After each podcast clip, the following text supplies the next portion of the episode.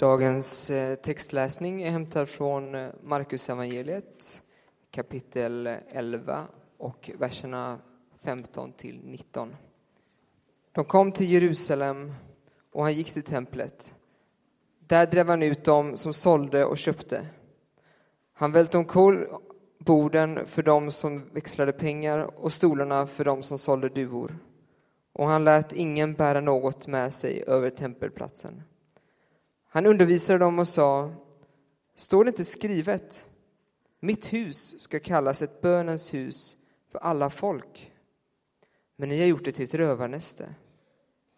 Detta hörde översteprästerna och de skriftlärda, och de sökte efter ett sätt att röja honom ur vägen. De var rädda för honom eftersom alla människor var överväldigade av hans undervisning. När det blev sent lämnade de staden. Så lyder det heliga evangeliet.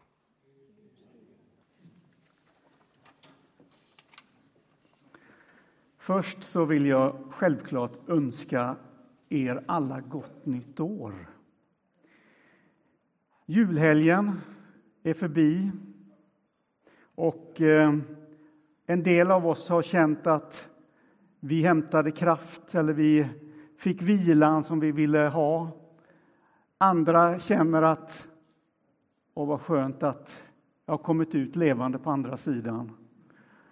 Och vi har, kan känna en slags utandningskänsla. Vi andas ut på andra sidan julen.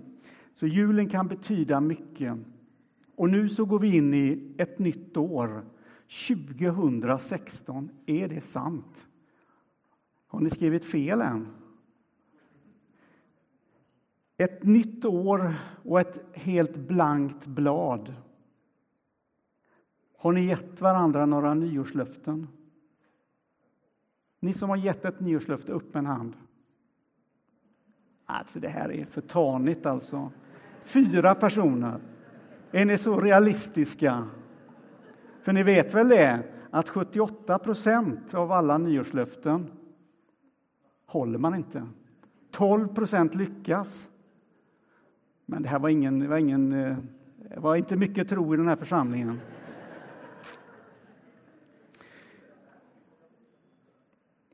Men det är alltså 12 procent som förändrar någonting i ett löfte. Och det finns ju någonting bra med personliga löften, eller att vi bestämmer oss för hur vi vill leva, för det är ju det det handlar om egentligen. Ett nyårslöfte är ju egentligen ett uttryck för att vi vill leva lite närmare det vi egentligen vill. Och så knyter vi, knyter vi upp det i en inre överenskommelse med oss själva. Och Det finns ju också en välbehaglig tid för förändring. Alltså när vi är redo att att gå från de där 78 procenten till de där 12 procenten. Det finns en välbehaglig tid för förändring, något slags momentum nästan skulle man kunna säga. Då saker inom oss lägger sig till rätta på ett sådant sätt som gör det, möjlighet, som gör det möjligt för eh, den här förändringen att ta form. Så det finns en välbehaglig tid för förändring. Och min önskan är förstås att den välbehagliga tiden är 2016. Det, det, det är ju den, den hopp, det hoppfulla ingången i ett nytt år någonstans. I det här blanka bladet. Men det är inte bara vi människor som ger löften, utan Gud ger också löften vad han ska göra och vad han vill och han knyter det till inre överenskommelser med sig själv. Han lovar saker. Vi har en Gud som lovar saker. Men skillnaden mellan oss och Gud, det är att Gud är den som aldrig någonsin bryter ett löfte. Hundra procent av gångerna så håller han sina löften, det han har lovat. Och julens stora budskap är att Jesus kommer till världen och det bygger precis på saker som Gud har lovat långt tillbaka i tiden. Och dessa luften ligger som insprängda i texterna i Gamla testamentet. Inte på ett ställe, inte på två ställen, inte på tre ställen. Men de ligger där insprängda. Och jag kan inte låta bli att läsa en text som egentligen inte hör till dagens, som inte hör till texterna idag.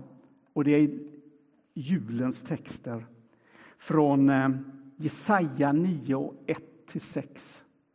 Där Gud lovar någonting alldeles enastående.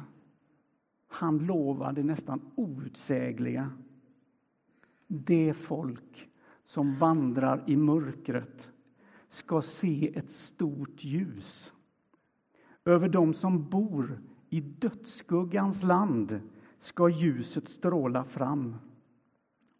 Och lite längre fram i texten så står det oket som tyngde dem, stången på deras axlar, förtryckarens piska, den bryter du sönder. Och så kommer det sen lite längre fram. Ty ett barn har fötts, en son är oss given och på hans axlar ska herradömet vila. Detta är ett löfte till världen, till mänskligheten, till dig i din, i, ditt, i din livssituation och till mig. Det är som om Gud viskar i alla löften. Jag har inte glömt världens situation eller världens svåra läge. Ge inte upp. Jag kommer. Och när jag kommer ska jag bjuda in varenda människa in i Guds hus och jag ska säga välkommen hem. Det ligger i löftena i Gamla testamentet. Nu ska vi ta oss in i texten som Mattias läste. Det som händer på tempelplatsen i dagens text den går i en helt annan riktning än den som Gud önskar. Det Jesus möts av när han kommer till templet den här dagen är långt ifrån det som Gud vill se av öppenhet, av tillbedjan och av välkomnande. Här händer det en massa andra saker än tillbedjan och bön. Det här var ju hedningarnas förgård som all kommers hade sitt centrum. Här sålde man saker, här sålde man duvor som man skulle ha och offra. Där växlade man pengar. Det var ruschigt. Där var det judar som tänkte att jag ska ta mig in i templet, jag tar genvägen över, över hedningarnas förgård. Alltså att det fanns en slags rörighet. Inte. Det var inte lätt att stämma sig till bön där, på den platsen. Det var helt enkelt någonting helt annat än vad Jesus tänkte sig att Guds hus skulle vara. Vad fanns tillbedjan? Var fanns öppenheten som skulle ge hedningarna rymd och utrymme och möjlighet att be? Aldrig i Nya testamentet har vi sett Jesus så här utåtagerande och i märgen, i hela sig, så upprörd.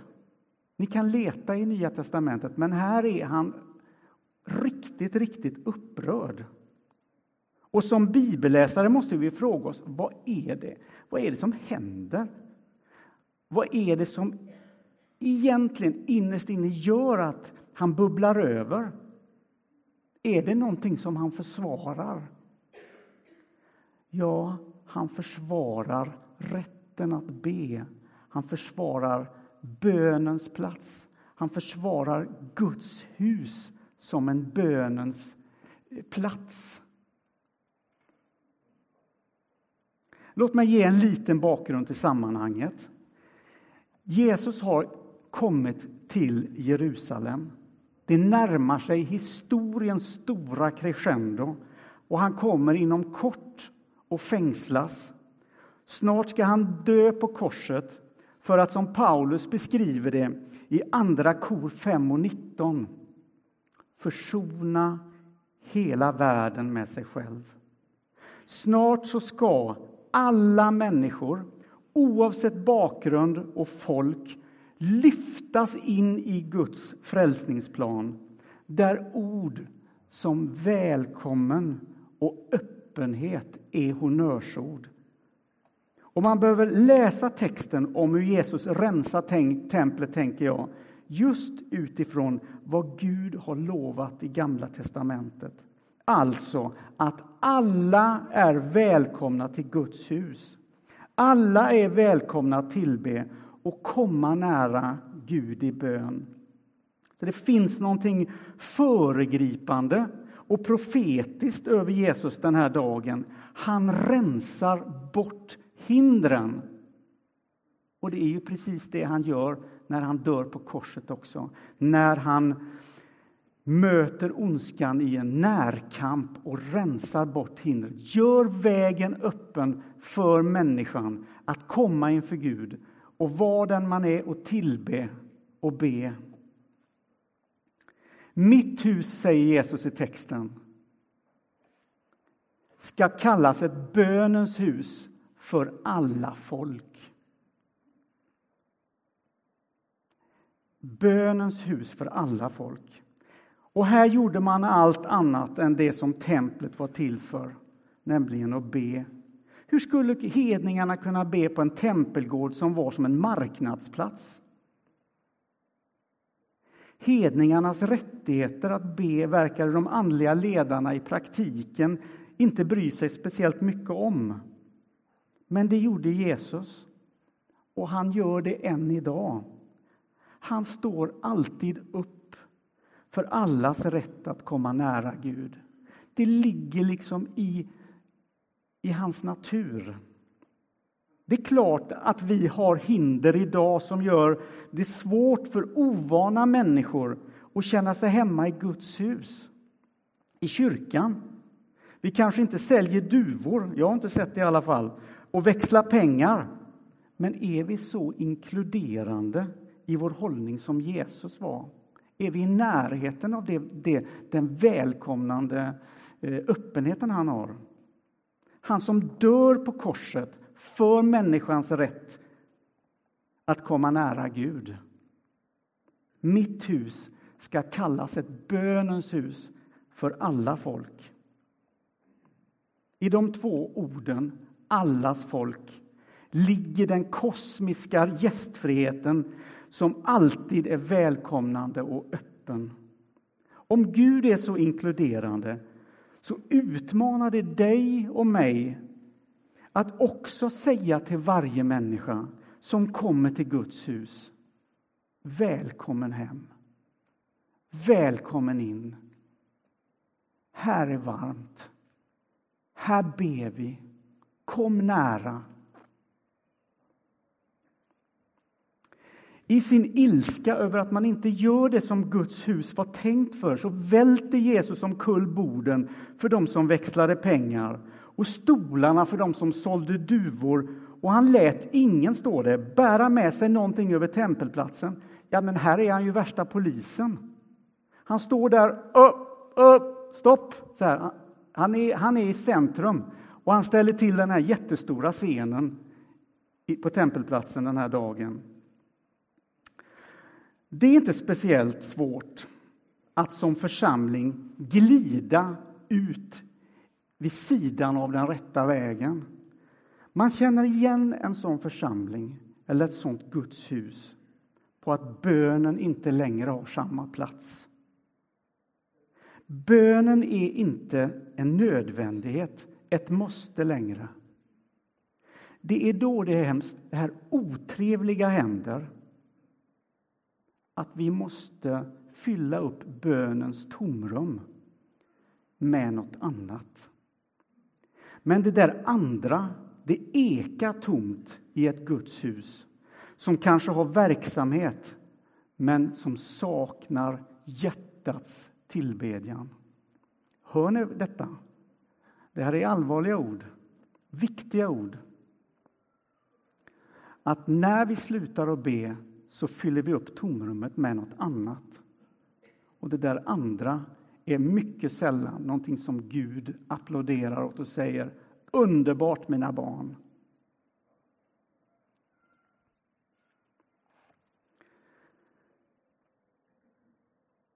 Tänk om 2016 fick bli ett bönens år i Saronkyrkan, i Guds hus. En inkluderande plats där nya människor som kommer in här tänker så här. Här verkar tillbedjan vara det viktigaste av allt. I den här miljön vill jag vara. Jag kanske inte fattar allt. Jag kanske inte riktigt förstår allt. Men jag mår bra att vara i den här gemenskapen. Och jag mår bra att vara in i en böneatmosfär. Tänk om någon reser sig upp nästa årsmöte och säger att om 2016 att tänk va 2016 vilket år det blev Människor av alla folk och bakgrunder gjorde Saron till sitt hem i år. 2016 det var året då vi bad så mycket att folk strömmade till på förundliga sätt. Vi förstod det inte riktigt, men det hände saker. Vi bad och vi arbetade tillsammans 2016. Och vi lärde oss någonting nytt. Att bön är kyrkans kärnverksamhet. Vi bad och arbetade för att lindra människors nöd. Och vi uppfyllde vår uppgift under 2016. Att dra in fler i bön och tillbedjan. Och Gud, han väckte en längtan i allt fler människor och vi såg hur kärleken till Guds hus blev djupare. Det årsmötet vill jag vara med på när det händer.